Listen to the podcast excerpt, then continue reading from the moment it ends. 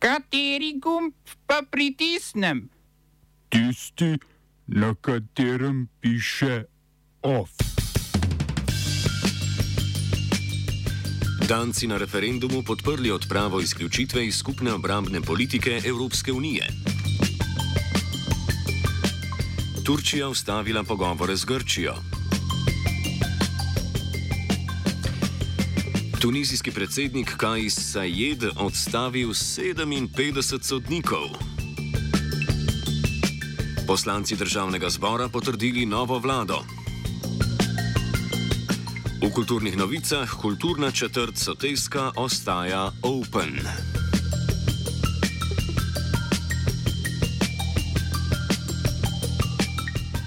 Na Danskem so voljivci na referendumu podprli odpravo izključitve države iz skupne obrambne politike Evropske unije.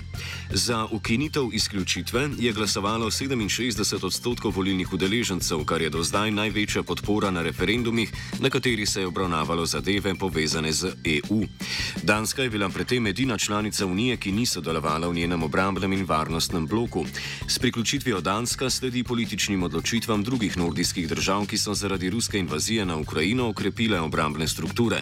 Švedska in Finska sta prejšnji mesec izrazili namero za priključitev Severnoatlantski zvezi, krajše NATO. Danska bo tako v prihodnje lahko sodelovala v evropskih obrambnih in varnostnih programih, kot so vojaške misije v tujini. Predsednica vlade Mete Fredriksson je rezultate referenduma pozdravila in dejala, da je to dokaz povezovanja evropskih držav.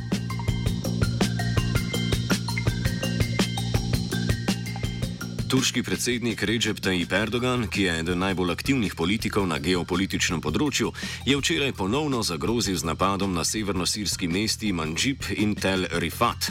Erdogan želi vzpostaviti 30-kilometrski varnostni pas ob turško-sirski meji. Po njegovih besedah so v tej regiji kurdski teroristi povezani z delovsko stranko Kurdistana, krajše PKK, ki je v Turčiji prepovedana. Erdogana so ZDA prejšnji teden posvarile naj ne napade severne Sirije. Sirije, saj bi s tem ogrozil stabilnost v regiji in varnost tamkajšnjih ameriških enot. Turčija je od leta 2016 v Siriji izvedla tri vojaške invazije, ki naj bi služile vzpostavitvi varnosti pred pripadniki ISIS-a in kurdskih ljudskih zaščitnih enot, krajše JPG.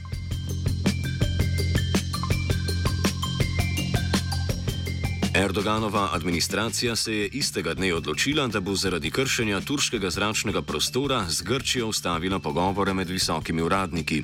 Že prejšnji teden je Erdogan dejal, da zaradi domnevnega lobiranja proti turškemu nakupu ameriških bojnih letal F-16 grški predsednik Kirjakos Mitsotakis ne obstaja več.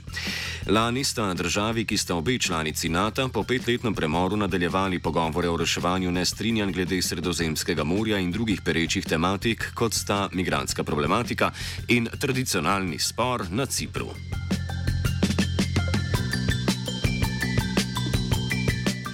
Tunizijski predsednik Kaj Sajed, ki je lani poleti suspendiral in kasneje razpustil parlament, je z dekretom odstavil 57 državnih sodnikov. Sodnike je obtožil korupcije in varovanja teroristov. Odkar je Sajed razpustil parlament, ima tudi oblast nad sodstvom, kar pomeni, da lahko legalno odpušča in nastavlja sodnike po svoji volji. S to potezo naj bi nameraval še dodatno prestrukturirati državni politični sistem in tako utrditi svoje vladanje z dekreti. Februarja letos je razpustil tudi vrhovni sodniški svet, ki je bil vse od revolucije leta 2011 stebr neodvisnosti sodstva. Vladanje z dekreti naj bi se jedu omogočalo lažje reševanje ekonomske krize, v kateri se je država znašla v zadnjih desetih letih, vendar obljublja, da bo kmalo predstavil novo državno ustavo. Tunizijski delovski sindikat, krajše UGTT, je za 16. juni napovedal stavko za više plače in proti Sajedovim privatizacijskim načrtom.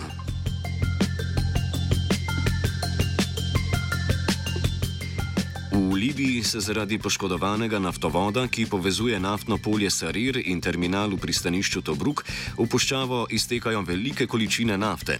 V družbi Arabian Gulf Oil Company, ki upravlja z naftovodom, poročajo, da od torka iz naftovoda vsak dan iztečejo 3 milijoni in pol litrov nafte. Glavni razlog za poškodbo naftovoda naj bi bilo slabo vzdrževanje, ki je posledica pomankanja sredstev za upravljanje. Za Libijo, ki ima največje zaloge nafte v Afriki, je to dodaten udar udarec v že tako oslabljenem naftnem sektorju. Kljub velikim zalogam nafte in visokim cenam so bili v državi po pacu dolgoletnega voditelja Moamerja Gaddafija zaradi državljanske vojne primorani zapreti številne naftne obrate.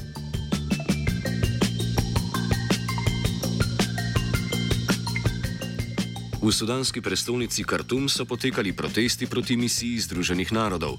Ta naj bi v državi reševala politično krizo, ki je vzniknila po vojaškem udaru lani jeseni. Glavni razlog za proteste naj bi bilo podaljšanje misije, ki bi se morala po prvotnem načrtu končati 3. junija. Protestniki obtožujejo od poslanca Združenih narodov Folkra Pertesa, da se umešava v notranje zadeve Sudana. Vodja vojske, ki vlada državi, Abdel Fattah al-Burhan, je v nedeljo ukinil izredno stanje, ki so ga uvedli po državnem udaru, saj naj bi s tem postavil temelje za smiselen dialog, ki bo v Sudanu prinesel stabilnost.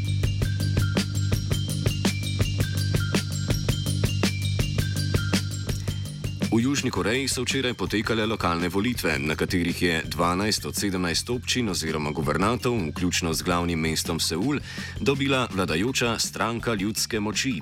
Volitve so bile nekakšen podaljšek predsedniških volitev, ki so potekale prejšnji mesec in na katerih je predsednik Jun Sok Jul dobil slab odstotek več glasov kot predstavnik opozicijske demokratske stranke Lee Jae-myung. Kljub porazu na lokalnih volitvah ima demokratska stranka še vedno večino v državnem zboru, kar ji daje veliko moč pri omejevanju delovanja predsednika Jun Sok Jul. Smo se osamosvojili, nismo se pa osvobodili. Naslednje število je še 500 projektov. Izpiljene modele, kako so se strani nekdanje LDS rotirali. Ko to dvoje zmešamo v pravilno zmes, dobimo zgodbo o uspehu takemu političnemu razvoju se reče udar.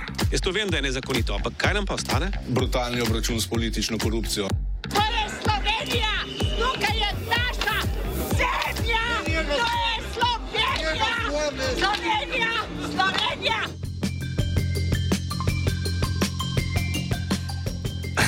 Poslanci državnega zbora so s 53 glasovi za in 28 proti potrdili ministersko ekipo nove vlade, ki jo bo vodil predsednik stranke Gibanje Svoboda Robert Golop.